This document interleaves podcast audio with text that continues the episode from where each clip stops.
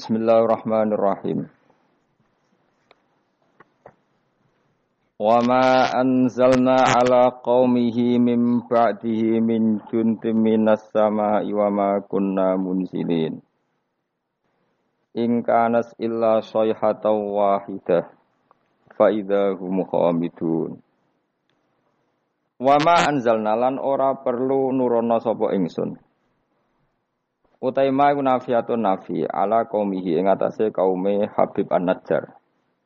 Ay Habibin tegese kaume Habib An-Najjar. Mimba di sause kematiane Habib An-Najjar. Ay ba'da mauti tegese sause kematiane Habib An-Najjar. Aku ora perlu nurono min juntin ing sekelompok pasukan minas sama isangking langit. Ai mala ikatin tegese malaikat di ihlakihim krana rusak kaum atau bangsa Antokiyah nggih bangsa napa Ashabal Korea. Ini ku kaum sinten Habib An-Najjar perkampungan napa Antokiyah kados wingi Ashabal Korea. Wa makunna lan ora ana sapa ingsun Allah munzilina iku zat sing nurono malaikat. Eh malaikat dan tegese nurono malaikat di ihlaki ahadin krana ngrusak wong suwiji. Ingkanat ora ana, ae makana tegese ora ana apa ukubatuhum, apa nyiksa ashabil Korea. Ora ana iku ila sehatan kecuali sak bengokan. Sak teriakan, bengokan itu teriakan wahidatan kang siji. Soha kang teriakno bihim kelawan ahli Korea sapa Jibril Jibril. Faidan mengko nalikane ngono. Ketika terjadi teriakan hum utawi ashabul qarya khamiduna iku mati kabeh manane sakituna. Tegese anteng kabeh mayutuna terus mati kabeh. Ya hasratan duh cilaka banget to getun banget. Alal ibadi ngatasi pira-pira kawula. Manusa iku mok kawulane pangeran cek tunane ora gelem iman. Haula. Tegese mongkono-mongkono ashabul qarya wa ghairihim lan yane haula Miman sanging wong kadzabu kang gorono sapa man ar-rusula ing propro rusul fa uhliku mongko den rusak sapa man kadzabur rusul. Miman sanging wong kadzabu kang gorono sapa man ar-rusula ing propro rusul fa uhliku mongko den rusak sapa man sing kadzabur rusul. Wa ya utaya hasratan al ibad ku siddatu ta'allumi iku bangete ngrasa lara. Wanita uha utawi nganggo nidak hasratan alal ibad iku majazun majaz eh hadza Tegese utawi iki iku awanuki iku wektu ne sira. Fahduri mongko tekao sira. Mayati him mir rasulin. Mayati ora teko him ing ashabil Korea sapa min rasulin sapa utusane Allah. Ila kanu kecuali ana sapa ahlul Korea bi iklan rasul yastaziuna iku ngenyek sapa ahlul Korea. Utawi ki dawuh masukun iku den giring. Mesti diarahno libayani sababiha krana nerangno sebabnya hasroh, sebabnya ketunaan nistimalihi. Krono mengkune iki dawuh alas tizaihi mengatasi ngenyai asabil Korea al muaddi kang nekakno ila ihlakihi maring dirusai ahli Korea al musabbabi kang kasababno anhu sangking ihlak apa al hasratu dadi gedun. Alam ya rono tora mikir sopo ngake eh, ahlu Mekah ta tegese penduduk Mekah alqailu nakang ucap kabeh lin nabi maring kanjeng nabi mereka komentar lasta mursala. Ora ana sira Muhammad mursalan wong sing diutus. Wal istifamu te istifham li takriri krana takrir e alimu tegese ana ta ora ngerti sapa ngake. Kam pirang-pirang utai kam khobariyatun bangsa makna khobariyah bimana kasiron kanggo maknane kasiron. Makmulatun ingkang den amalno lima maring perkara badha sause kam mu'alliqatun kang naklekno. Naklekno nganggurno lima maring perkara qabla kang sedurunge kam anil amali saking amal. Maksudnya amale lafat sak durunge. Wal makna udah maknane ngene. Anna saat temen ingsun apa ahlak nah iku wis ngrusak ingsun qoblahum sedurunge penduduk Antokiyah atau sedurunge Ashabal Korea. Kasiron ing kelompok akeh minal kuruni sang pira-pira generasi. Ail umami tegese pira-pira umat. Annahum saat temene kaum sing dirusak, ail muhlakina tegese kaum sing dirusak. Ilaihim maring para pendusta, manane kaum Mekah ail mukadzibina tegese kaum pendusta iku lair jiuna iku ora bisa bali al muhlakin afala ya tabiruna utawa ora gelem itibar sapa ngakeh bihim klan al muhlakin Wa annahum tadawu annahum iku badalun dadi badal ilah. Ilah maknane ilah akhirih. Badalun dadi badal masa yang perkara kobra kang sedurunge iki biri adil makna keran jaga makna al madkuri kang disebut. Wa inan sedene kelakuan. Niki wa in wa in kulun nganggo makna kira ayat asim riyen. Wa in kulun nan ora ana te saben-saben wong utai in nafiatun nafi au mukhaffafatun ta mukhaffafah. E kullul khalaiki ora ana tes kabehane makhluk mubtadaun utai dawuh mubtada lamma jamiun kecuali sak temene utai kabeh ikladena munggu ingsun mukhdharuna bali kabeh lama te lama bitasdid lan ditasdid lama iku bi mana illa kanggo manane illa o bitakhfifi to kelawan diwaca takhfif lama falamu mongko tilam farikotun lam sing bedakno wa mau tema zaidatun zaidah Wa ing kullul lamma jami'un. Ora ana utahe sakabehane wong lamma jami'un kecuali sak temene kabeh. Utahe lafat jami'un khobarum mubtada khobarum mubtada. E masmunat keseden kumpul kabeh ladena ana ing sanding kita indana. Fil mauqifi ing dalam ora-ora mahsan badha basim sause tangine kabeh. Muhdharuna iku den hadirna kabeh. Lil hisabi krana hisab. Utai dawu muhdharun khobarun dadi khobar sanin kang kedua. Wa ayatun lan iku dadi ayat lahum kedhe wong akeh alal ba'si ngatasi tangi sangka kubur. Utai dawuh wa ayatun khobarun iku dadi khobar muqaddamun kang den disarjana. Muqaddamun kang den disino. Lan iku dadi ayat alardu te bumi almaitatu kang mati. Bitasdidi klan tasdid almayyitatu wa takhfifi lan takhfif almaita. Kados kira kita. Wa ayatul lahumul ardul maitah berarti kira ah takhfif tapi ana sing maca mayyitah. Ahyainaha. Ngurip-ngurip sapa ingsun Wa ayatul lahumul ardul maitah ahyaina. Ngurip-ngurip ingsun ha ing ard. Mubtadaun utawi dawuh ahyaina iku qaulu mutaakhiru ba'da qauli ahyaina syaratun ila anna sifatin ba'du wa sifat nusul kasewah.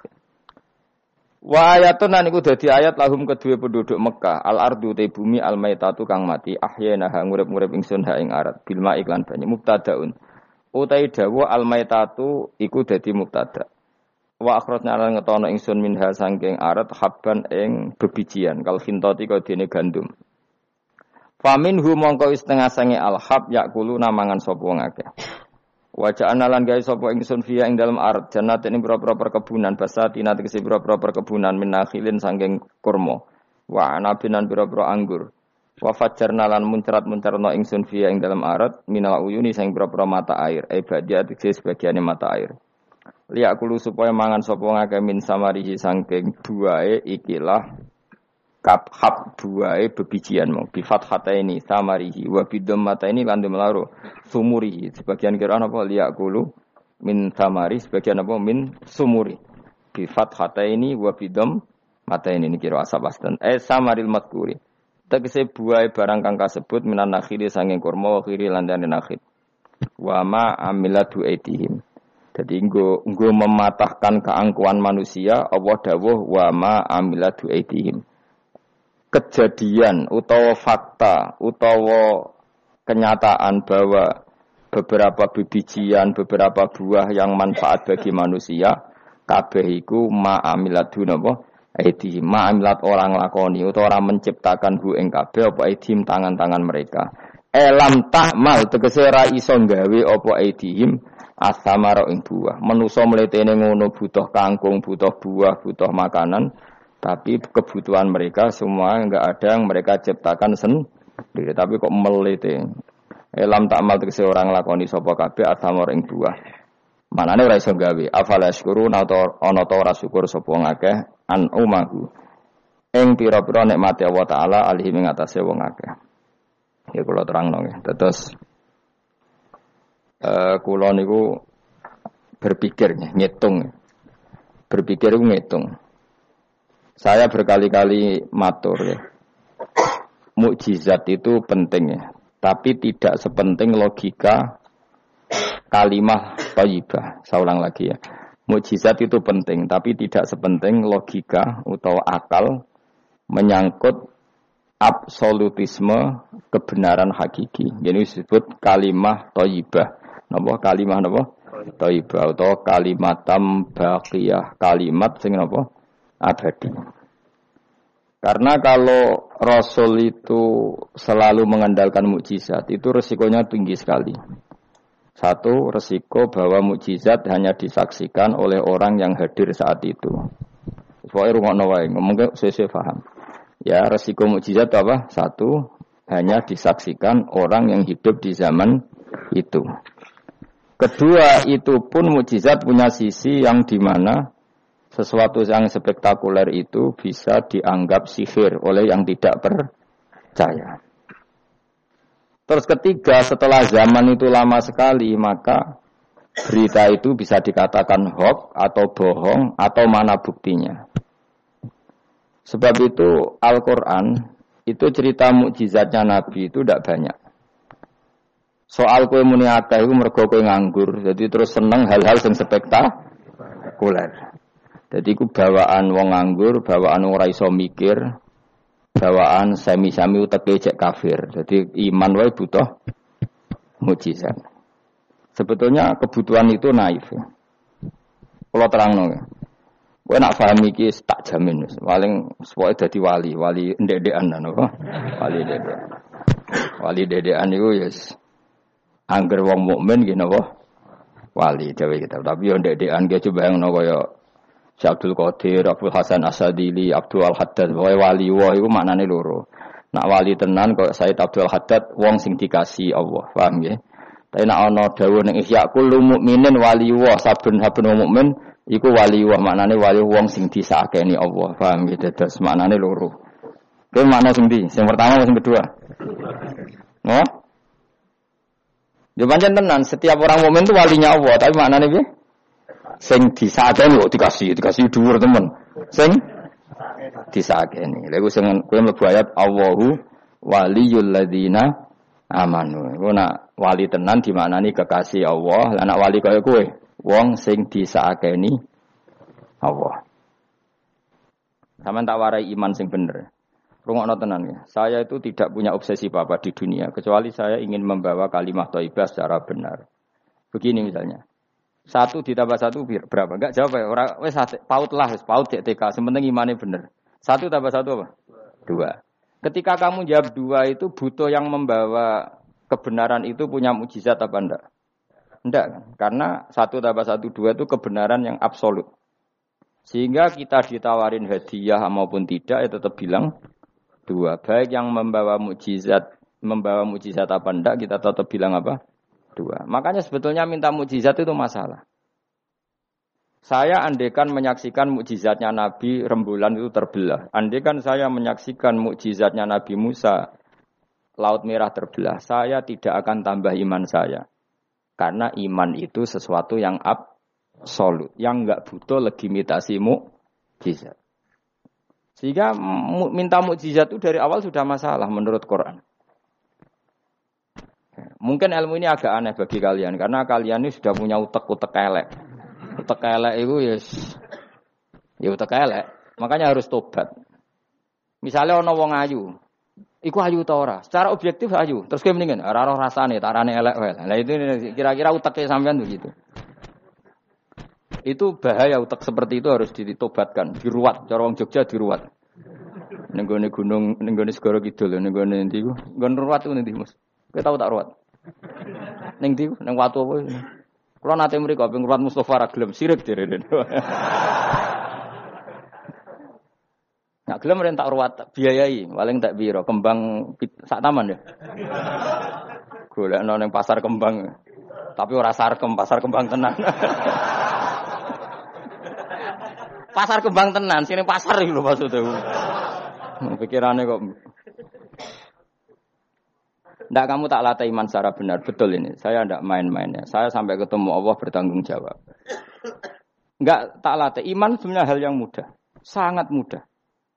Satu ditambah satu itu berapa? Dua. Kamu mengatakan dua itu nunggu dikasih hadiah yang bedai apa enggak? Enggak. Lalu menunggu diancam apa enggak? Kalau tidak bilang dua tak bunuh. Enggak kan? Karena kebenaran yang absolut. Lah Allah sebagai Tuhan itu kebenaran yang absolut apa enggak? Absolut. Sehingga harusnya harusnya Allah kan tidak bikin surga pun kita tetap bilang Allah Tuhan. Allah tidak nakut-nakuti dengan neraka pun kita tetap bilang Allah itu Tuhan. Dan yang mengajarkan bahwa Allah Tuhan yaitu Rasulullah Muhammad gak perlu bawa mukjizat yang spektakuler. Sehingga mukjizat itu masalah. Makanya tidak ada imannya sahabat karena mukjizat. Abu Bakar iman dengan kesadaran, Umar iman dengan semua khiyarus sahabat iman itu dengan kesadaran. Mukjizat itu hanya diminta orang-orang aneh-aneh, iku kafir-kafir elek, muni wa lan nu'mina laka hatta tafjurolana minal ardi yambu'a. Jadi mukjizat itu diminta orang sing aneh-aneh, sing berengkel jero Terus ya itu tadi seperti tadi, satu tambah satu berapa anak-anak? Ya sebetulnya dua, tapi kalau nggak dikasih papa tak jawab lima. Kalau kamu ingin iman masuk surga, utak kamu ijek kok catekan. Nanti ke iswargo Gusti Jinan tak arani pangeran. Nah ora serah pangeran. Maka ini absurd, suatu yang absurd, yang buruk sekali. Sehingga orang-orang soleh pun, soleh-soleh kayak kue ini kan soleh amatir orang-orang soleh amatir seperti ini itu masih nanti digojlok sama pangeran di masar, ditanya begini sama Allah. Dan saya apal hadis kutsinya. Ayo kamu ingin keluar dari Islam amatir apa tetap begini saja? Keluar. Nah, keluar kudu ngrungokno ngaji. Laulam akhluk jannatan wala naron. Ini kata Allah dalam hadis kutsi. Alam akun ahlan an uto'a. Saya masih hafal teksnya seperti itu. Kalau saja saya tidak menciptakan surga dan neraka, apa saya sebagai Tuhan itu gak layak kamu toati? Jadi ketika orang-orang soleh amatir kayak kue, kue neng dunia sujud, sujud gusti, darahnya aku pangeran, gih gusti, opaya nopo, swargo gusti. Pas wes kue pedia pembu swargo pangeran tako, umpama aku orang gawe swargo, aku tetap arani pangeran tau ora. Terus kue mulai, Budi Gusti daran jenengan pangeran itu yang penting nih, mboten jenengane pangeran. Oh neraka Karena kita bilang satu ditambah satu saja dua tanpa presentasi yang membedai atau yang uji memberi hadiah atau tidak. Karena kita bilang dua hanya butuh kewarasan, apa? Nak kue waras darani maka orang-orang pilihan itu malu kalau minta surga. Karena Allah tetap Tuhan. Andikan nggak menciptakan surga maupun neraka. Makanya andikan saya tidak menciptakan surga dan neraka, apakah saya tetap tidak Tuhan? Tentu tetap sebagai Tuhan. Di sini dibutuhkan iman yang kuat sehingga kita ada amatiran seperti ini. Ngapalo Quran yang mergono bonus umroh. Itu apa-apaan. Seneng Quran kok ngenteni rangsangan bonus. Kuliah gratis. Untuk jalur khusus. Itu apa-apa. Kue gedeng yo keliru. Wong Quran saiki berkah kok kue gedeng. Tapi kayak setuju goblok tak jamin. Kue milih ndi? Goblok apa hasud? Pilihannya loro tok. Nara setuju hasud, setuju goblok. Orang yang mau goblok, goblok. Wong seneng Quran kok ngenteni rangsangan hadiah, seneng umroh. Quran itu kalamu kita, kalamu Robbi, ngendikane pangeran. Kok senengnya ngenteni bonus ini apa-apa? Kampungan banget. Lalu kalau kamu senang suatu coba sekarang, kamu mengatakan langit indah, itu kan objektif. Ya karena langit indah. Jangan sampai kita, HP ini penting nggak? Oh penting untuk komunikasi. Tapi kira wekmu, oh serap penting. No, no. Kacau kan kalau semua hukum digantungkan kepentingan pribadi. Quran itu kalamu wah selalu indah kapan saja. Meskipun kita tidak tahu untungnya apa kita senang Quran. Misalnya nggak nggak tahu untungnya umroh apa enggak, nggak penting. Dari awal kita mencintai Quran karena itu kalamu Robbi, apa? Ini kalamnya Tuhan saya. Saya mencintai dia. Saya mencintai Allah, maka yang berbau, yang tentang Allah kita cintai. Tanpa presentasi dapat hadiah apa enggak, menghormat apa enggak. Saya sebagai orang alim juga gitu. Saya nggak peduli sama hormat saya enggak, peduli. Goblok kalau saya gitu. Segoblok-gobloknya. Saya orang alim diwajibkan mulang ya mulang. Dan saya mengharap ridhonya Allah. Terus gue ngaji, gue lihat ridhanya Allah, gue lihat itu selesai kan? Enggak ruwet. Ojo kok ngaji, aku ngaji Gus Ba nak sido alim, nak alim ra ngaji malah ra ngarak, malah ra bakal alim. Ngaji ngaji saja, lha iso alim gak penting. Saya ulang lagi ya. Saya pernah matur ini bahkan di depan mas saya sarang. Sebab itu Nabi pernah ngendikan secara ekstrim dan ini ekstrim yang baik. Tapi jangan disalahpahami, seorang lain jangan disalahpahami. Nabi pernah ngendikan gini, mangkola la illallah dakhalal jannah. Terus ada sahabat tanya, wa in zana wa in saraka yarqal wa in zana wa in saraka. Siapa pun yang meyakini la ilaha illallah maka dia suatu saat pasti masuk surga. Meskipun pernah zina, pernah maling, iya kata Nabi meskipun pernah zina dan pernah maling. Karena apa? Kebenaran absolutisme, kebenaran yang absolut itu tidak terkait koilnya yang mengatakan. Saya berkali-kali mencontohkan. Saya ketemu lonte di Indonesia atau di Mesir, siapa saja, atau bandar narkoba, atau siapa saja. Tak tanya, satu tambah satu berapa? Kira-kira lonte jawab berapa? Tidak jawab saja, biar sampai pinter. Dua. Bandar narkoba ditanya jawab berapa? Dua. Yang di penjara KPK jawab berapa? Dua. Kemudian ada rektor Al Azhar tak tanya, satu tambah satu berapa Pak Rektor? Lonte sudah bilang dua, penjahat sudah bilang dua, para begundal sudah jawab dua. Terus dia karena rektor Al Azhar, kalau saya tiga. Kira-kira ini rektor geblek apa enggak kira-kira? Geblek. Kira-kira, tapi tentu itu tidak mungkin. Tetap dia pun jawab dua. Dia nggak peduli, wah saya rektor kok jawabannya sama dengan penjahat. Karena kebenaran absolutisme itu tidak pernah bergantung kamu rektor, apa kamu siapa saja. Paham ya? Sehingga dalam ikrar bahwa Allah Tuhan itu kita sama dengan lonte, dengan penjahat sama. Semuanya ikrar kalau Allah itu Tuhan. Karena kebenaran absolut tidak bergantung siapa saja. Makanya Nabi ngintikan wa in zana wa in saroko. Meskipun yang melafatkan itu orang zina maupun maling. Karena tadi kebenaran absolut. Kira-kira lonte kamu tanya, lombok pedes tidak? Dia kira-kira enggak tak jawab yang lucu-lucu, biar otak sampean tuh waras. Tak, makanya dimulai dari hal yang gampang-gampang saja. Lonte ditanya, lombok ini pedas apa manis? Pedas, penjahat yang ditahan KPK, Pak Prabowo, Pak Jokowi. Jawabnya sama, jangan terus kubu sebelah jawab apa. Iya ada seperti ini. Karena kebenaran ini Absolut. Yang di penjara KPK bilang Lombok itu pedas, yang menjara juga. Bukan kok gini, kata yang di penjara. Lombok apa? Kata ketua KPK apa? Pedas. Oh saya jawab manis. Saya akan dendam di penjara dia. Tidak bisa. Lalu aku Mustafa agak senang. Tetap tak arani Lombok itu pedas. Misalnya loh, ya senang Mustafa tak bully terus. Misalnya aku rasa senang Mustafa. Terus dia ini jawab Lombok pedas. Apa saya terus muni manis? Hanya nuruti gak? senang. Itu hebatnya Rasulullah. Ketika ngendikan masalah la ilaha wa in zana wa in saraka. Tapi orang salah paham terus katanya, "Wah, ini Islam melegitimasi zina." Dia semono ora ono ngono iku. Tekem gitu. Maksudnya Nabi itu kebenaran absolut itu enggak ada bedanya antara orang fasik dan orang soleh. Semuanya ekor. Sekarang satu ditambah satu, lonte ya bilang dua, pencopet ya bilang dua, pak polisi ya bilang dua, kubu sebelah ya bilang dua. Sekarang semua orang Islam sing fasik ya bilang Allah Tuhan, sing soleh bilang Allah Tuhan. Semuanya sama. Maka orang fasik pun dalam Islam nggak boleh kamu keluarkan dalam dari Islam karena sama-sama bersaksi asyhadu alla ilaha illallah wa asyhadu anna muhammadar rasulullah. Mulane ahli sunnah berpendapat, berkeyakinan orang Islam apa pun maksiatnya tetap tidak bisa dikeluarkan dari apa? Islam. Soal dosa ya dosa saja. Apa nak kue terus dosa darani satu tambah satu limo. Nak selonte muni satu tambah satu dua terus orang soleh aku tak bilang tiga biar tidak sama dengan lonte. Tidak bisa seperti itu. Maka harus dilatih terus kebenaran absolut. Maka saya bayangkan kalau saya saya ulang lagi, andai kan saya menyaksikan mukjizatnya Nabi memecah bulan, iman saya tidak tambah. Karena tanpa itu pun kadar kita imannya sudah full.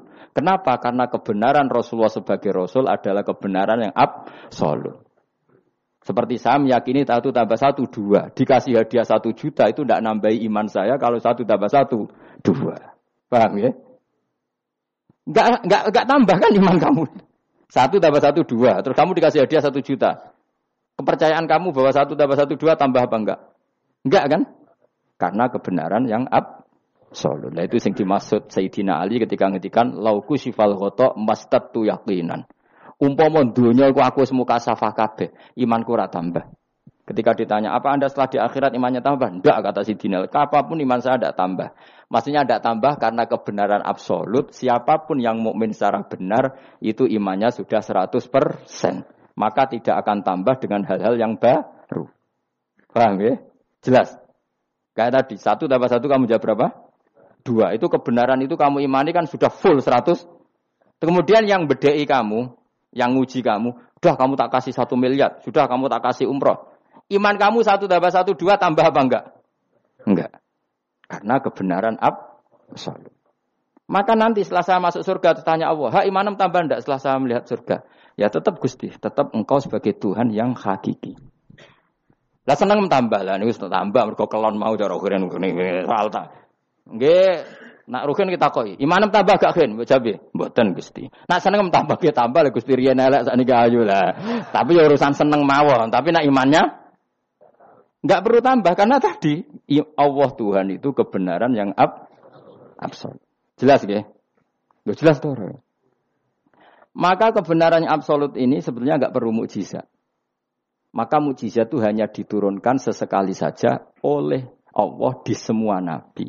Bahkan mukjizat sering menjadi problem karena tadi kalaupun diturunkan ada potensi dituduh sebagai sihir. Makanya Allah nanti ngendikan uh, apa? Walau fatahna alaihim baba minas sama fadhallu fihi arujun ya laqalu innama sukirat absaruna bal nahnu qaumum masurun. Muhammad nak kaum jaluk mujizat ora usah turuti. Umpama langit itu tak buka. Kemudian mereka terbang ke langit menyaksikan alam malakut saya. Mereka akan bilang innama sukirat absaruna. Kita-kita ini disihir Muhammad itu sama seperti peristiwa pecahnya rembulan. Pecahnya rembulan peristiwa yang dahsyat. Sahabat iman tapi ya dingin saja. Kenapa dingin? Karena sampai itu pun mereka sudah iman bahwa Rasulullah itu adalah Rasul yang hak.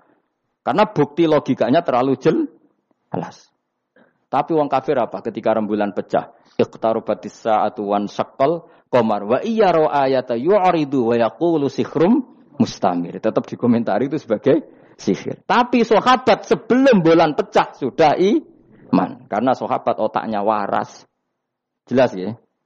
Jadi mukjizat itu tidak diperlukan sebetulnya. Maksudnya nggak diperlukan dalam konteks iman. Karena tanpa itu pun para sahabat, para khiyarun nas sudah iman. Makanya agama ini likaumi yakilun bagi yang punya akal. Bukan likaumin sing yasyadunal mukjizat. Bagi kaum yang menyaksikan mukjizat. Waras ya, jelas ya. Jelas ya. Mulane sebenarnya ana masar iku, aku mau swarga war kowe, mergo mau ijek takoki pangeran. Munggo aku ora gawe swarga, aku ijek pangeran ta ora. Terus kowe mikir sik. Bahaya. Eh berarti aku dadi pangeran mbok pikir sik, kecuali kowe tak kei swarga, kan tak takoki pangeran ngono Itu ibarat Pak Guru tak jawab dua asal kamu kasih hadi. Ya, nah ndak tak katakan tiga, itu utek. Allah tetap sebagai Tuhan meskipun enggak menciptakan surga maupun neraka. Karena ketuhanan Allah adalah absolut. Makanya Allah sering ngendikan dzalika bi anna wa huwal haqqu wa anna ma yad'una min dunihi wal batil wa anna wa huwal aliyul kabir. Allah selalu punya sifat abadi bahwa dia zat yang hak. Yang lain menolak Allah adalah barang batil. Hak akan selalu hak, enggak butuh pendukung, enggak butuh apa-apa. Karena hak itu berdiri sendiri. Makanya Allah mensifati dirinya al-hayyul qayyum yang berdiri sendiri. Jelas ya. Lah iman-iman kita ini iman-iman yang amatir. Pemenang ngaji kiai-kiai sing senengane ya cung yo pokoke maca istighfar swarga, istighosa swarga. Kamu jangan maksa saya ngaji seperti itu. Karena yang ngaji seperti itu sudah banyak. Atau ngaji model wong alim ya, maksudnya. Ya tadi model itu. Makanya kena niru aku ya terus alim. Bebo-bebo botenan ra ngerti pokoke ngono, pokoke ngono. Dan ulama seperti saya memang harus seperti itu karena kita ngajinya seperti itu. Saya baca ihya seperti itu, baca hikam seperti itu. Dari guru-guru saya, dari bahmun bapak saya seperti itu. Makanya swargo itu buli-bulian wali-wali. Ada wali yang tawani pangeran. Cung silahkan bu swargo takokin. Di surga bisa sholat gusti saya. Iso ya. Oke kalau gitu. Karena gak iso bayang no. Nikmati dadi kawula kok ora sujud gak iso bayang no wali-wali. Nah kowe kan gak kelon ora iso bayang no. Uteke wis elek. Beda desain uteke wali wek. Ambek wong ngene-ngene iki beda. Beda banget tapi beda biasa. Jadi uteke wali ku wis aneh. Jadi karena dia merasa gak bisa terpisah dari Tuhan, karena semua kebutuhannya tercukupi hanya oleh Tuhan, maka dia bayangkan, Ning swarga ada enggak sesuatu yang saya kasihkan kepada Allah? Saya dermakan, saya khidmatkan untuk Allah. Kau swarga kok mau kelon terus mangan terus apa-apaan ini? Jadi masih apa ya? Makanya dia aneh masuk surga itu masih asing. Sampai ketemu Allah wujuhu yauma idzin nadhirah ila rabbiha nadhirah baru puas. Kalau kamu kan enggak surga, mlebu swarga glundang ora takok sing duwe terus golek widadari kelon mangan kelon mangan. Ya sudah seperti itu. Sampai ditakoki Allah ora paham mergo iki sing duwe sapa wis pokoke ngono. Ya tapi ya lumayan lah sementing ning swarga. Tapi insya Allah yang jenis ini tidak ketemu saya. Saya juga agak ingin ketemu. Isen lah cara kalau tadi. Cara muruah harga diri ketemu jenis seperti ini. Ya tapi lumayan. Apa masih apa? Di surga. Itu yang disebut fa'ama apa? Uh, yang ashabul yamin itu visi dream makhdud wa talhim mandud wa dilimam. Itu pokoknya pakanan semua wa ma'im masku bafagiyatin kasira la maktuati wala semakan-makan bermakan jima inna ansa'na guna insya faja'alna guna Tapi kalau orang mukorrobin, Allah itu enggak gambarkan nikmatnya mukorrobin. Fa'amma ingkana minal mukorrobin farohu. Kan? Karena semua kenikmatnya itu roh. Roh itu malah enaroat wala uduna samiat wala khotor ala kolbi basar. Dia nikmati di surga karena al mukorrob dekat sekali dengan Allah. Makanya di kitab-kitab wali itu banyak. Abdul Qasim al Junaidi, Abu Yazid ditanya, Tanya sama Allah, ya Allah kenapa saya tidak melihat umat saya? Padahal engkau berjanji umat saya yang mencintai saya masuk surga. Dijawab Allah, sebenarnya umat kamu di surga semua, tapi nggak ada yang ingin ketemu saya. Bareng didelok mau do kelon, do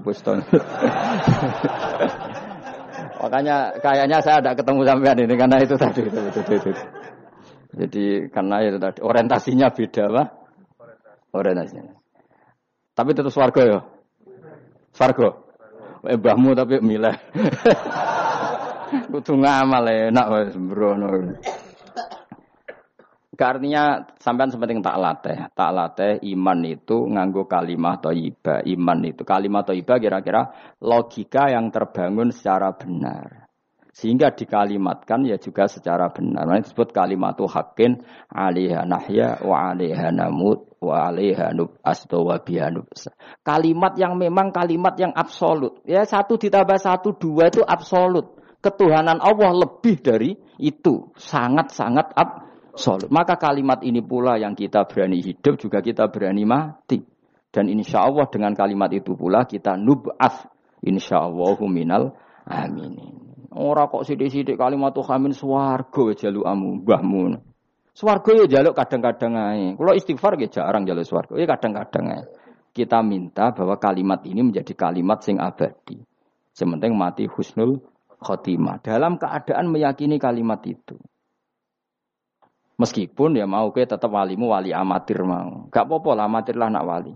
Ya tadi karena semua orang mukmin itu wali. Allahu waliul ladzina aman. Engko nak wali tenan maknane wali yo kasihane pangeran, nak ora wali tenan sing disakeni pangeran. Engko iso urip mergo disakeni napa? Ini penting saya utarakan. Sekarang tuh banyak orang yang nggak pernah ngaji khatam. Jadi senengane itu paket swarga. Al hajjul mabrur laisa lahu jazaun ilal jannah. Ibu ngambil gaji si BRI, anggerono waya BRI, BNI ra, angger ben setor ning BRI al hajjul mabrur lahu jazaun ilal Kulo nggih mun kaji tapi atau dalil iku. Sing ora kelar kaji kan ya sakake men. Kulo beberapa kali ngelepas tiang haji. Sakniki do ora jarang jaluk kulo, mergo do mangkel menawa. mergo kulo anggere ngelepas wong kaji ngeten. Kulo juga termasuk wong jujur. Jujur banget kulo nak bab ilmu. Mungkin perilaku saya jujur sampai nanti nak ilmu jujur kulo. Padahal wong mlebu swarga lewat amal, mbek ilmu cepet sing lewat ilmu. Amalan ra cukup gue cepet cepetan bus warga. Tanpa ilmu kan amal tuh ditolak. Tapi ilmu tanpa amal tetap sebagai ilmu. Makanya termasuk fado ilul ilmu, ilmu itu bisa berdiri sendiri tanpa amal. Tapi kalau amal nggak bisa berdiri tanpa tanpa ilmu.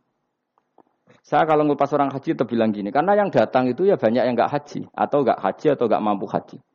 Dia niki nak no jadi kaji mabrur, kaji mabrur walase swarga. Sing buatan kelar kaji dongakno salate iku nggih mabrurah, salat sing ditampa nggih mlebu swarga.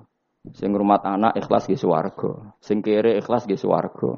Sing syukur mergo tanggane kaji meskipun ra kelar kaji tapi melok seneng koyo senenge sing haji nggih swarga.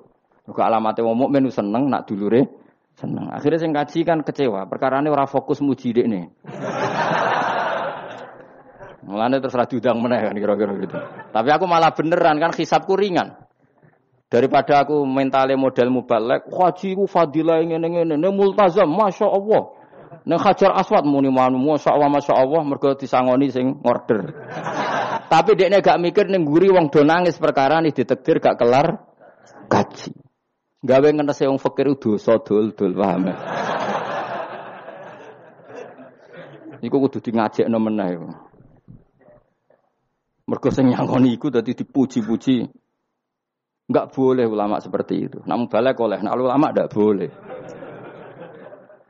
Balik ulama kan kelasnya beda, napa?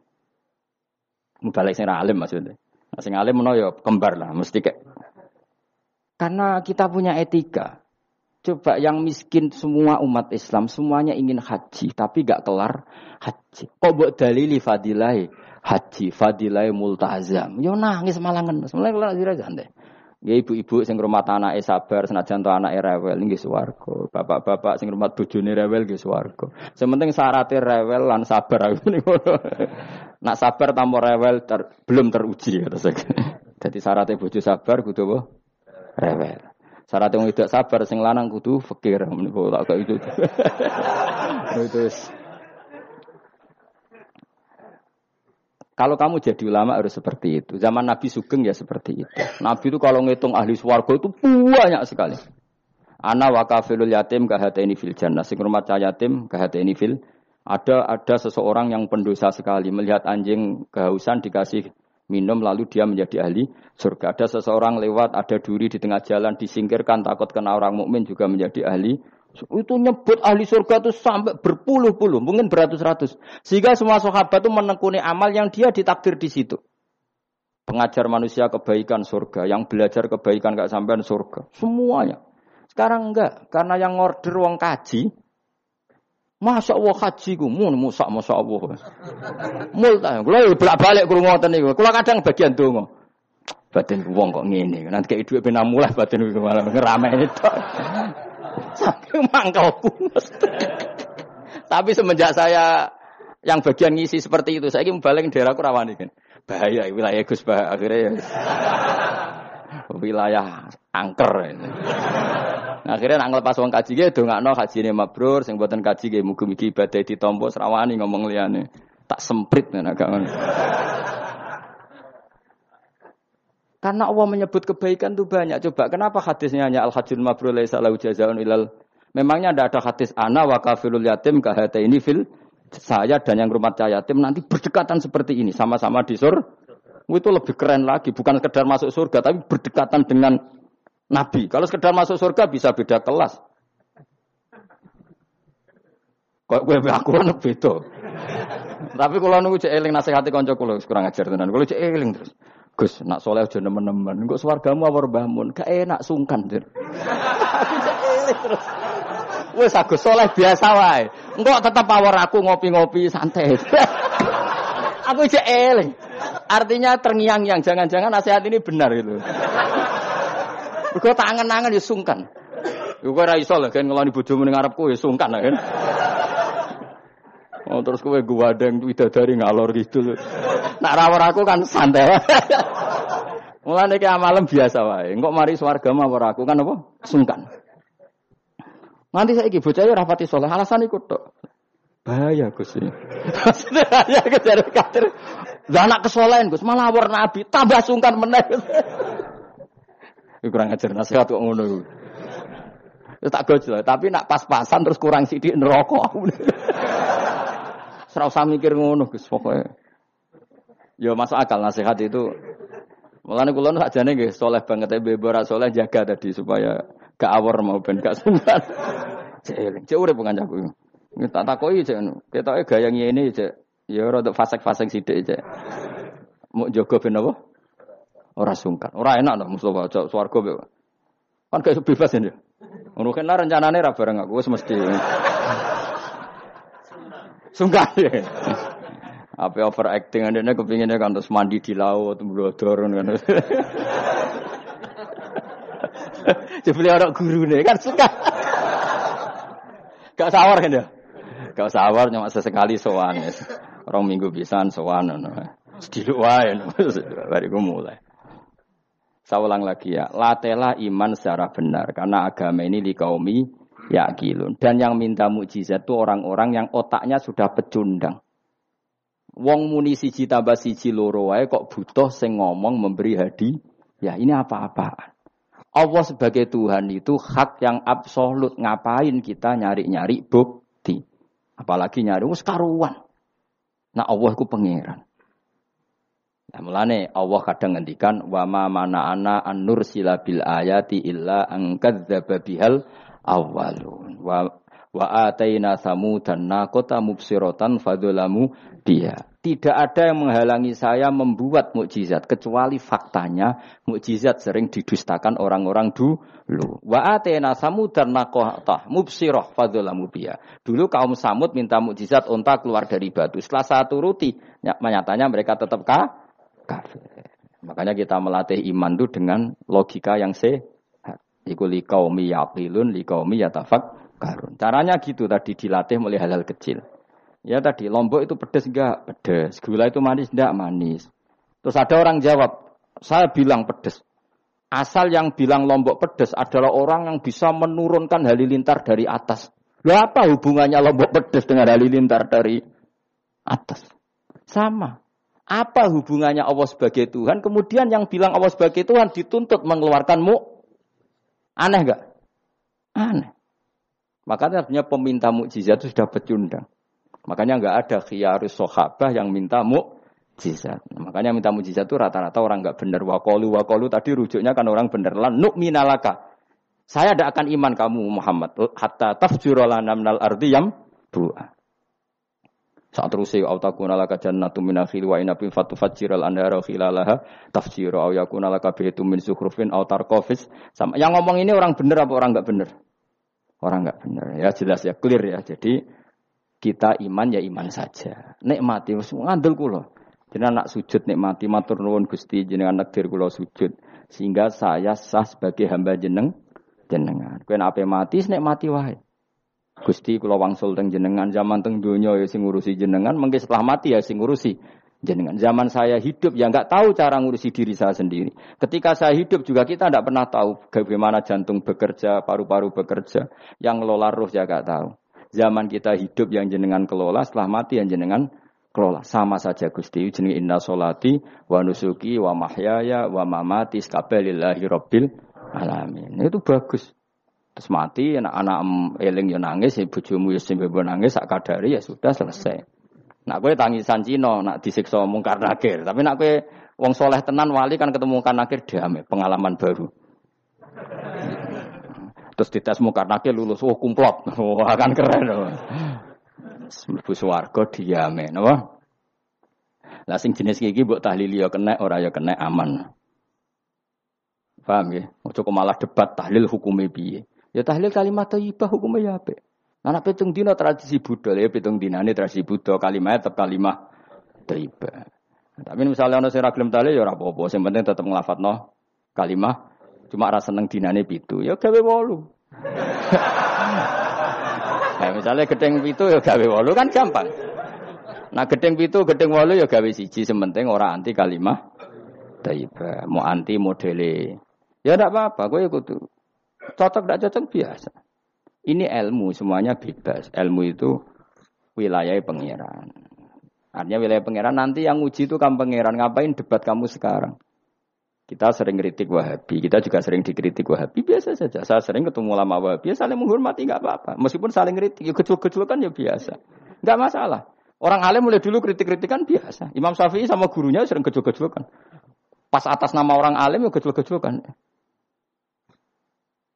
Dulu itu Mbah Hasim Asari sering kecil-kecilkan sama Ki Fakih Mas Kumambang, sama-sama orang alim, ya murid sama guru. Karena ilmu itu memang apa ya? Kayak iya kayak enggak. Nah, yang ilmu absolut pasti sepakat. Misalnya tadi, apa kalimat taibah itu selalu baik? Pasti selalu baik. Ya sudah.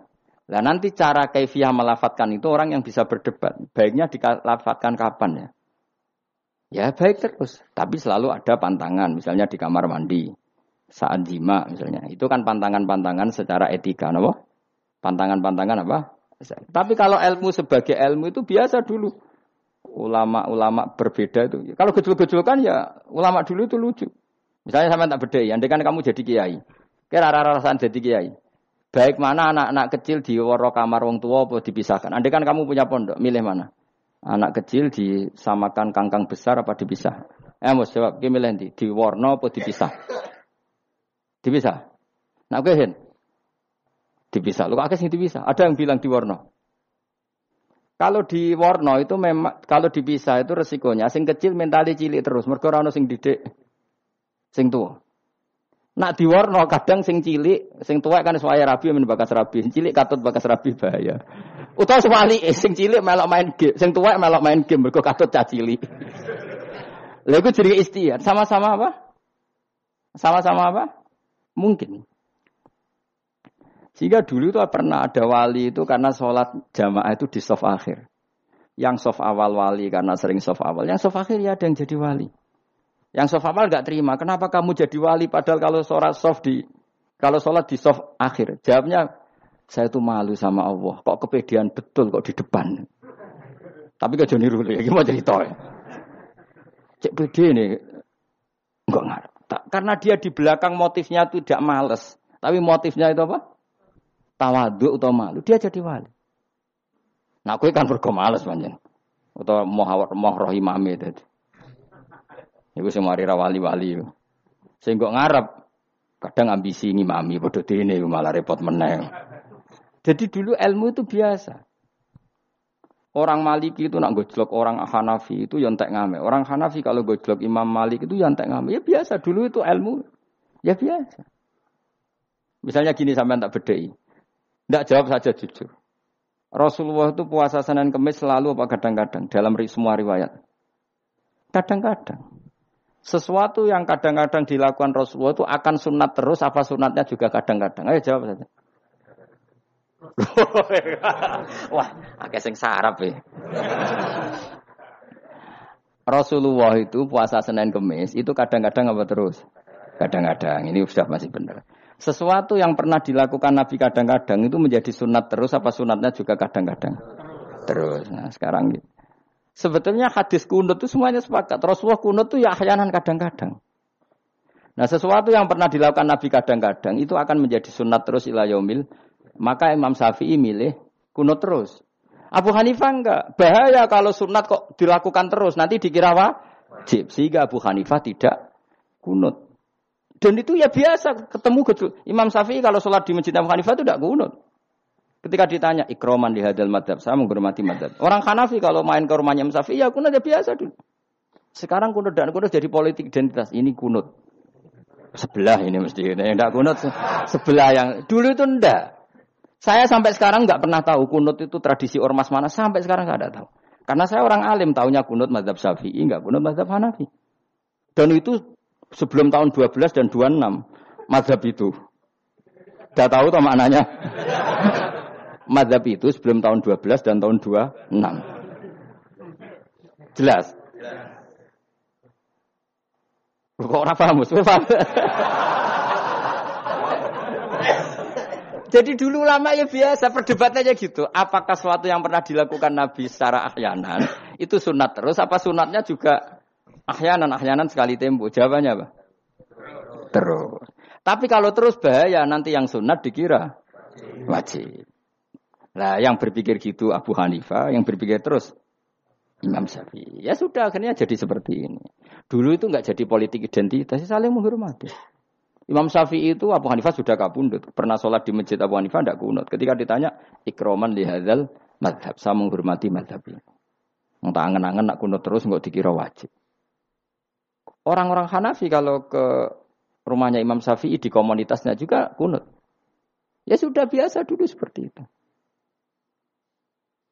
Makanya kita ini harus ngaji. Dulu itu biasa ulama gejol-gejolkan perkara madhab kayak yang saya contohkan tadi.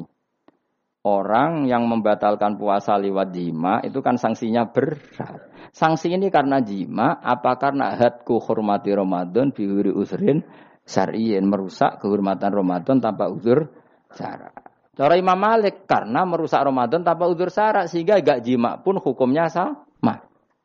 Yaitu misalnya makan tanpa uzur, ya hukumnya sama. Kenapa sama? Jima istri hukumnya apa? Halal apa haram? Halal. Makan halal. Maka kalau itu kamu lakukan fina hari Ramadan, siang-siang Ramadan tanpa uzur sara, maka sanksinya sama-sama berat karena dianggap melecehkan kehormatan Ramadan. Cara Imam Syafi'i enggak jima sama makan mulai dulu beda. Kamu makan wajib mandi enggak? Enggak. Kalau jima wajib. Kan beda. Ya beda itu enggak sama. Ya sudah, Imam Syafi'i memberi sanksi berat untuk jima, untuk makan ti tidak. Lu podo pintere kan yo penak. Penak kan? Sing ora penak iku padha gobloke, padha sok pintere. Lah iku debate ra barbar iku. Padha gobloke, nak debat padha sok pintere. Wis naudzubillah min dzalik. Kulo nek debate wong malah kudu guyu. Malah melok goblok, ngrungokno tok malah melok goblok. Wong debat agama kok gak ono referensi, ra ono kitabe. Amen muni menurut saya. Memangnya Anda penting dalam wali ora, ulama ora kok debat agama menurut Memangnya Anda mujtahid?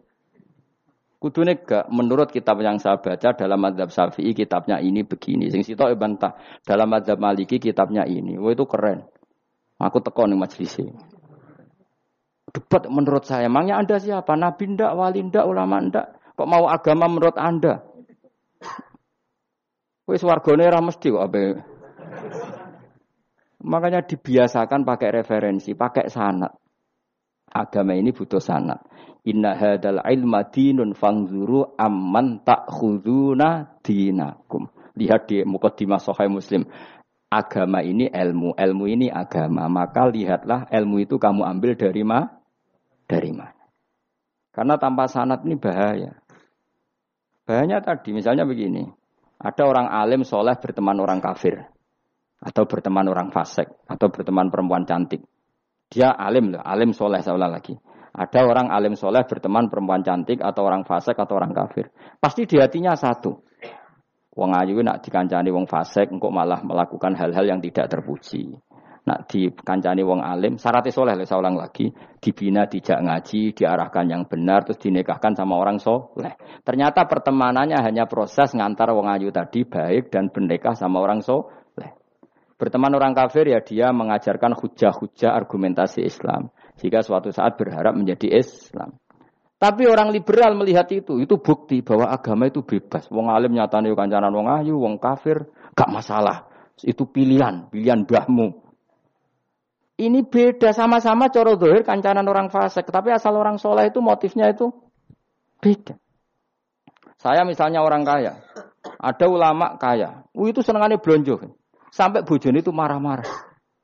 Saking parahnya ulama ini kebetulan keluarga saya. Ini anak itu mulai itu anaknya kon golek utangan. Padahal nili anaknya pertama berangkat dari rumah itu bawa uang. Mau ngirimi anaknya di sarang. Itu orang Jawa Timur. Kiai alim. Roh bakul kacang ning bis gak mentolo ditukoni. Roh bakul mainan saake wong tuwek wadon ditukoni. Walhasil dok sarang duwe entek. Tapi gowo mainan, gowo kacang putu-putu. Saake jadi.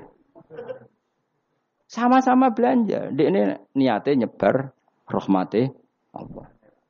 Dulu saya pernah ngalami itu, meskipun ada skala yang ekstrim itu. Saya sampai sekarang anak saya mulai TK, SD tak sangoni terus. Kadang beli jajan yang dia sama sekali gak doyan. Dulu ibunya yang marah sebelum ora dipangan kok dituku Gus. Ya masih ora dipangan bakule tetap seneng. Butuhe bakule iku payu ora kok dipangan ta ora. Tapi utak-utak medit ini kan pikirannya kan. Nara dipangan aja tuku ya sakake bakule bakule ndonga supaya laris. Lah duit 5000 bagi kita kan ndak penting wis bentek. Ben manfaati bakul-bakul. Karena orang kadang dikasih itu malu loh karena tidak diharga diri. Tapi kalau lewat jual beli kan seneng. Ya banyak ulama yang gitu boros tapi niatnya menyebar roh. Asal orang soleh itu baik-baik saja. Orang soleh melete. Wah duit akeh ke tenang wae. Coro dohir melete. Ternyata no sing digai ben ora perasaan. Nah misalnya wong soleh terus sopan. Duitku pas-pasan tak pangan sesuk wae ono sing digai ya sungkan le dul-dul. Maka wong soleh kudu melete ben sing digai ora sungkan. Kayak duit uang satu sewu. Lagi iya lanjutan duit wakeh, ora iso tak hitung ning omah. Ijek karungan. Lah kok karungan piye? Saya kerja kok karung gak sak. Butuh wae ngenakno sing digawe ya apa? Ngenakno sing digawe. Asal wong soleh, dia ngomong gitu itu niatnya juga soleh. Tapi nak wong ra soleh, pancen melete tenan. Bolak-balik wong ra soleh iku masalah. Makanya kancani wong soleh. Mereka wong soleh itu orang yang luar biasa. Kanjeng Nabi ku nak daharu sering ning jobo.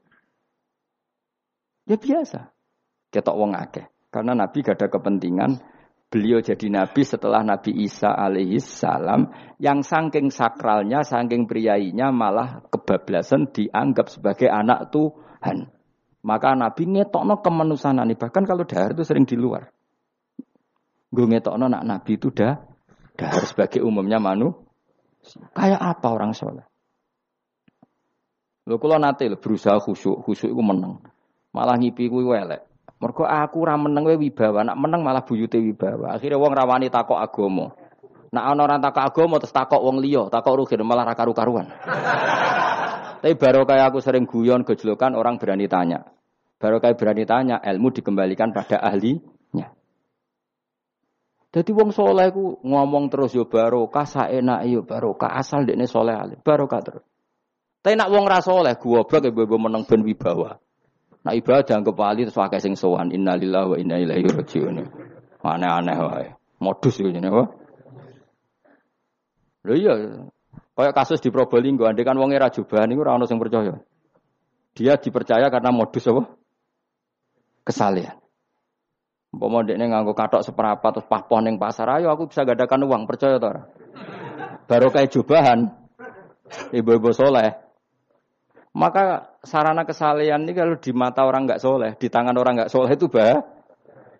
Makanya kata ulama, kata Imam Haram, kena kena alim, murid pun biasa wae. Aja sampai kue terlalu khusyuk terus nak ngomong dindel, padahal keliru ngomongmu itu. Mereka anti el.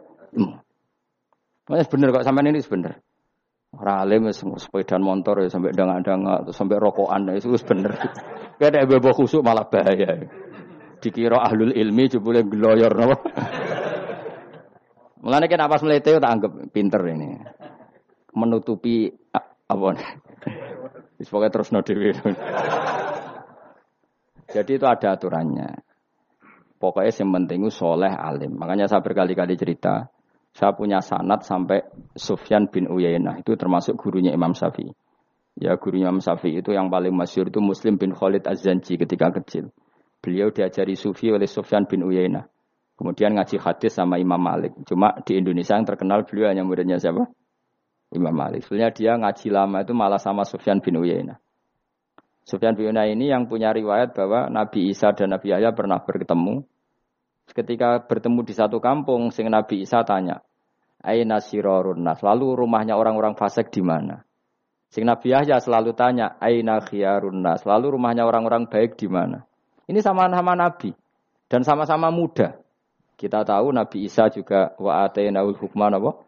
Sobia. Nabi Yahya ya Yahya khudil kita babi kuwah wa atainaul hukma Sobia. Nabi Yahya juga mulai cilik alim. Nabi Isa juga mulai cilik alim. Wa yukallimun nasa fil mahdi Wakala. Ini sama-sama orang alim mulai kecil hanya dua itu. Yahya dan siapa?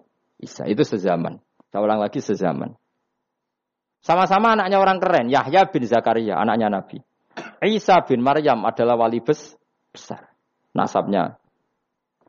Akhirnya Nabi Isa yang mulai tanya, lima datas al aina khiarun nas. Kenapa kamu tanya rumahnya orang-orang baik di mana? Kata Nabi Yahya, kumpul orang soleh itu enak, nyaman. Ya kan nyaman kan kumpul orang soleh, tidak ada narkoba, tidak ada kegaduhan, tidak ada berisik. Terus gantian Nabi Yahya tanya, lima datas al aina nas. Lalu kenapa anda tanya di mana rumahnya orang-orang buruk? Terus kata Nabi Isa, anan nabi, saya ini nabi, biman zilati tobib, ibarat dokter, udawil marto. Maka saya mengobati yang sakit. Kalau anda seorang dokter, nyari sampling penyakit, nyari di endemik daerah penyakit apa daerah sehat? Penyakit. Ya tapi kalau kamu takut ketularan, nyari daerah sehat apa daerah berpenyakit? Itu sama-sama madhab dalam ilmu. Dulu itu ya biasa, perbedaan seperti itu biasa saja. Karena semuanya karena el, ilmu. Sekarang enggak, kubu sebelah yang ngotot, kubu sebelah ya. Dalilnya pokoknya. Mana ada ilmu dalilnya pokoknya? Pokoknya kunut itu gini. Kalau tidak kunut gini. Memangnya Imam Syafi'i lahir tahun berapa? Kunut tidak kunut itu ada sebelum tahun 12 dan tahun 26. Gue eleng-eleng.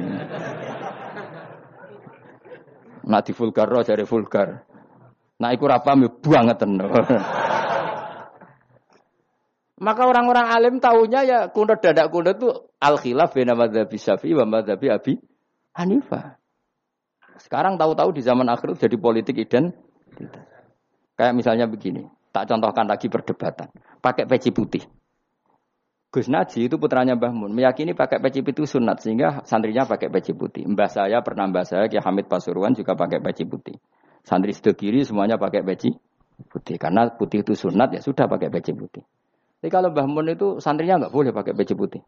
Haram kata beliau. Kata beliau, "Jong kaji ini wong desa-desa nganti adol Tegal, adol sawah.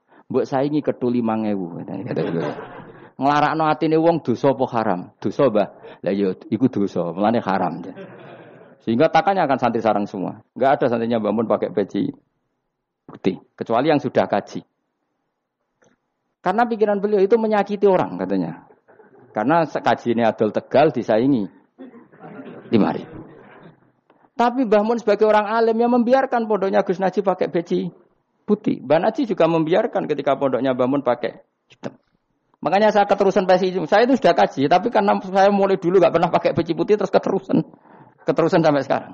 Tapi suatu saat aku juga nganggu kan, entah, entah kapan suatu saat. Jadi aku soal Nabi ya keturunan iri, keterusan keterusan di no terus kebablasan ini. Itu logika istihad. Sama misalnya khasnya ulama itu pakai jubah, pakai apa? Ya sudah itu khasnya ulama. Terus kayak misalnya neng parkiran macak ngono. Alasannya anu tuh lama. Kira-kira menyinggung orang apa ndak kira-kira. Kue kelakuan cek karuan jubah sunah rasul terus kene parang tritis delok wong macem-macem jubah kacau gak? Elek-elek nasab apa enggak? Boy orang itu mikir jadi karena ada selalu masalah istihadiyah. Abdul bin Mas'ud dulu itu kalau sholat itu nggak pernah pakai baju resmi. Seringnya pakai sarung tok, kadang kadang nggak pakai baju. Ketika ditanya, kamu ashabu Rasulillah, kenapa sholat dengan cara seperti itu? Terus beliau ngendikan, wong ben roh nak standar minimal sholat seperti ini. Kalau saya sholat selalu pakai pakaian sempurna, nanti dikira itu aturan fardu. Dan umat menjadi berat. Sampai seperti itu lama menjaga konstitusi. Bahwa yang penting dalam sholat adalah satrul aurah. Zaman itu sudah sahabat dan tabiin karena Nabi sudah wafat itu sudah pakai pakaian lengkap. Tapi Abdul bin Mas'ud tiap sholat di masjid dia menunjukkan pakaian paling tidak lengkap. Jadi pernah beliau sholat itu hanya pakai sarung terus diikatkan di apa lehernya. Ketika ditanya, dulu kita dengan Nabi pernah sholat seperti ini. Akhirnya ulama menjadi tahu nak ngono sholat paling pokok itu nutupi mabena surah war rubah. Andai kan tidak ada cerita Abdul bin Mas'ud mungkin dikira sholat syarat sahnya ya seperti itu. Maksudnya pakai jubah terus, pakai pakaian begitu terus. Barokahnya Abdul bin Mas'ud orang tahu standar mini minimal. Jadi kalau ulama itu motifnya seperti itu. Rasulullah kira-kira senang kiamul lel apa enggak? Senang. Tapi beliau kiamul lel di masjid hari keempat, hari kelima sudah tidak keluar ke masjid. Karena Nabi kalau selalu melakukan nanti dikira ver, dikira ver. Tapi kalau enggak melakukan nanti orang tidak kiamul. Maka Nabi pernah melakukan ya pernah tidak. Ya sudah itu konstitusi dalam tradisi ulama. Jelas ya. Saya sholat di pondok saya sendiri sering jadi makmum. Karena semua kiai sudah jadi imam. Nanti dikira syarat saya imam itu kiai. Repot. Makanya saya tunjukkan kiai juga boleh jadi makmum. Andai kan semua kiai jadi makmum, saya nanti jadi imam. Ya semua ulama mulai dulu tradisinya gitu. Karena yang dikatakan fardu kifayah itu kalau sudah ada yang melakukan, yang lain tidak usah. Biar seim, seimbang. Sekarang enggak do geruduk ah geruduk kabeh. Makanya terus kacau. Loh, coba sekarang misalnya gini. Andai kan semua orang melakukan kebenaran kesunatan, yaitu misalnya semuanya ambisi itikaf di masjid.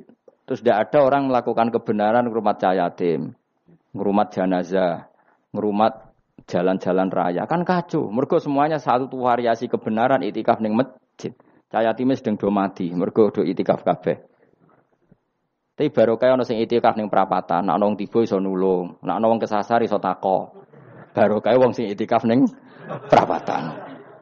Sayangnya tuh bidung itu barang sayangnya. Sajane niat itikaf ku sah. Nawaitul iktikaf linus roti torik. niat ingsun itikaf nulungi dalan ben nak onong butuh. Coba sekarang, orang yang celakaan, pertolongan emergensi orang yang itikaf di jalan apa yang di masjid? Di jalan, barokahnya banyak itu tim SAR gratis. Umpama do niat soleh kabeh bumine pangeran, sah mbok itikaf. Mulai sesuk gak apa-apa, itikaf ning perapatan. Tapi buktikan kamu tidak berbuat macam atau tulisi relawan orang tersesat. Jadi aja ini kebaikan itu ada di mana-mana. Makanya Nabi menyatakan kebaikan orang itikaf ya dikatakan Nabi baik. Orang yang jalan-jalan kemudian ada duri disingkirkan juga disifati Nabi orang baik. Orang yang rumah yatim disifati Nabi orang Bahkan orang yang hubungan intim dengan istrinya sama Nabi ya disifati orang baik sampai sahabat tanya masa urusan gitu dapat pahala ya Rasulullah. Lu iya, andekan itu sama orang lain kan malah do dosa berhubung sama istrinya maka dapat pahala. Kayak apa Nabi ngitung kebaikan sekian banyaknya. Tahu-tahu di zaman akhir kubunya saja yang baik. Ini apa-apaan? Ini kalau iskal deh. Yo marah ini, yo tobat deh kebaikan adalah sesuatu yang dikatakan Allah bah, baik di kubu kita maupun di kubu sebelah. Ya.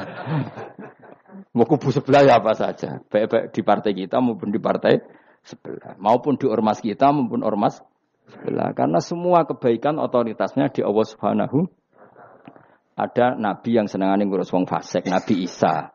Karena berpikiran nabi itu tobib, ya tobib itu yudawil mar untuk mengobati yang sah. Ada nabi kayak Nabi Yahya. Karena kalau orang kayak kamu tak suruh ngobati orang fasik, kira-kira katut tak sing fasik tobat. Cara rohin tak cul ngobati wong wayu, kira-kira sing katut sopo. Sing ayu dadi ngaji apa sing ngaji dadi Ya ukur dhewe nak ora kuat niru Nabi Yahya, nak kuat niru Nabi ya, tapi kue ra nabi masalah. Ya sudah, yang penting roh ilmunya. Bahwa dulu itu biasa. Paham ya? Makanya Sayyidina Abu Bakar jadi wali karena akhlaknya baik. Tapi akhlak baik itu tidak cukup untuk melindungi Rasulullah. Karena ketika Nabi diteror, Abu Bakar tidak bisa berbuat banyak. Sehingga ketika Abu Bakar sudah Islam, Nabi itu masih sembunyi. Sampai ketika lihat Umar gelut di pasar Ukad, dia petarung yang menangan, Nabi berdoa, Allahumma aizal Islam bi Umar. Semoga orang seperti ini itu masuk Islam. Karena ini rapati butuh sopan, ini butuh petarung. Tenan, Umar masuk Islam. Masuk Islam hari pertama sudah Abu Jahal ditotok rumahnya. Kamu lo ganggu Rasulullah Muhammad tak bunuh kamu. Semua orang diparani. Akhirnya bersamaan dengan itu ada khitab fasda bima tu'mar. Akhirnya Nabi berani dakwah secara ala niatan. Barokahnya mantan preman. Jadi kebutuhan Islam banyak. Butuh orang sopan, butuh petarung, butuh macam-macam. Butuh wong lomo, butuh wong fakir sabar itu sakit, rasa ditambah ini. Karena jumlahnya sudah overload yang fakir itu tuh. Itu rasa di produk sudah sudah masif lah, sudah sudah. Jadi orang kok kalau gede fakir, maksudnya jumlahnya sudah banyak. Jadi eh, itu kayak apa kearifan Rasulullah? Makanya Abu Bakar pertama jadi khalifah. Ketika beliau mau wafat, itu nunjuk Umar jadi khalifah. Coba. Padahal beliau wataknya lemah lem, tapi menunjuk orang yang sangat kasar yaitu Sayyidina karena beliau insaf, tidak semua kebaikan terwakili oleh orang berakhlak. Kadang kebaikan terwakili orang yang tegas. Kayak Sayyidina Kayak apa insafnya para sahabat? Iya toh, kalau di internal akhlak itu baik, tapi kalau di eksternal ngadepi orang nakal, yang baik itu orang tegas. tegas. Coba misalnya ada preman di perapatan, mau ganggu kiai, gue di santri sopan mau dilu, pusing kan? Tidak di semua antri kayak roken mantan preman. Ayo gelut. Oh mati orang tinggal popo.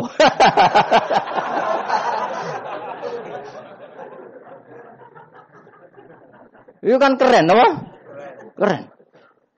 Makanya Abu Bakar ketika, lu ya, sama tahu kan hadisnya Umar. Setiap ada orang munafik macam-macam pamitnya sama Nabi, dani adrib pun izini Nabi tak biar coy. Ya setiap hari kegiatannya gitu terus.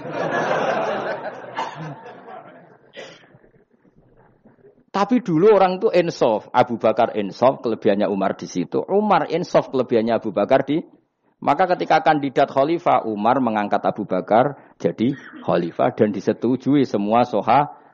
Ketika Abu Bakar mau wafat menunjuk Umar dan disetujui semua sahabat.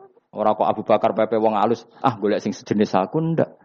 Karena dulu semua orang itu pakai insaf, pakai kesadaran sing super tinggi, tidak nuruti naf, nafsu. Lalu saya andekan ada orang alim sekelas saya kok mau ganti tafsir Jalalain, ganti Gus Fikih yang mendesak Fikih. Terus dia alim nggak masalah ya. Salah dia alim keramat. Oh, dia ngerti dalam mahfud nak setingkat aku. Nah, roh berarti hop. Karena dulu itu begitu, lama dulu itu seperti biasa. Sekarang tuh ndak. Orang itu kalau ndak kelompoknya gak mesti salah. Abu Bakar itu rokikul kolbi. Rokikul hawashi. Rikotul kolbi. Tapi beliau justru menunjuk Sayyidina Umar karena dia tahu Islam itu musuhnya banyak, butuh orang tegas. Umar juga tahu bahwa di internal Islam itu butuh rikotul kolbi sehingga beliau hormat sama Abu Bakar. Tak pimpin aku, wah bubar kabeh. Tapi dari Abu Bakar, neng jobo aku, tok wong melete nak Umar. Sehingga dua beliau saling meleng, dan itu luar biasa. Nah khilafnya ulama kira-kira seperti itu.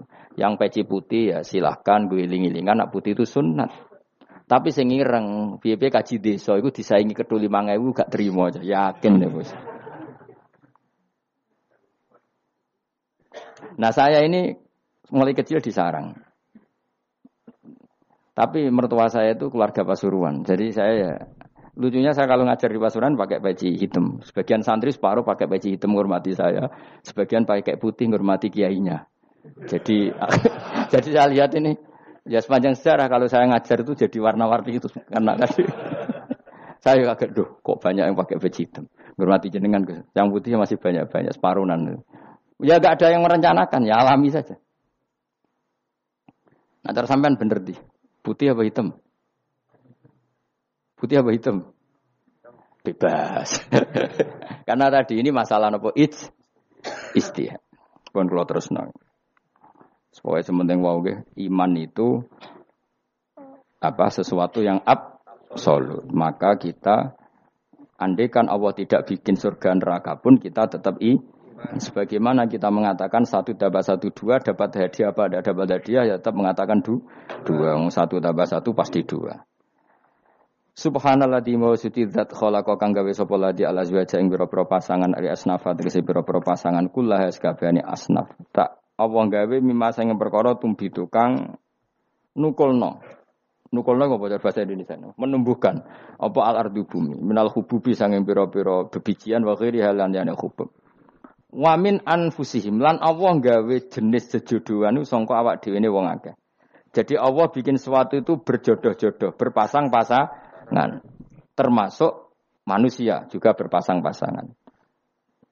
Minat zukuri sayang boro-boro lanang wal inasilan boro-boro wedok wa mimalan sayang perkara layak lamun kang orang ngerti sapa wong akeh. Maksudnya zaman belum ditemukan listrik misalnya atau belum ditemukan apa saja yang zaman itu enggak ada. Allah ngendikannya gini, Maha suci zat yang bikin tetumbuhan, bikin hewan semuanya berpasang-pasangan, termasuk manusia juga berpasang pasang. Dan Allah juga bikin berpasang-pasangan dari sesuatu yang sekarang belum dikenal di era itu.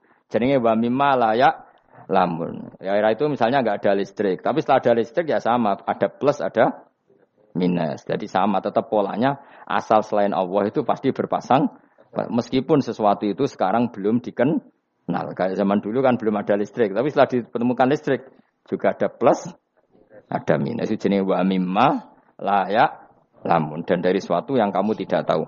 Minal makhlukati sing pira-pira makhluk al ajibati kang gawakno al horibati kang aneh utawa kang langka alam ayatul mulai.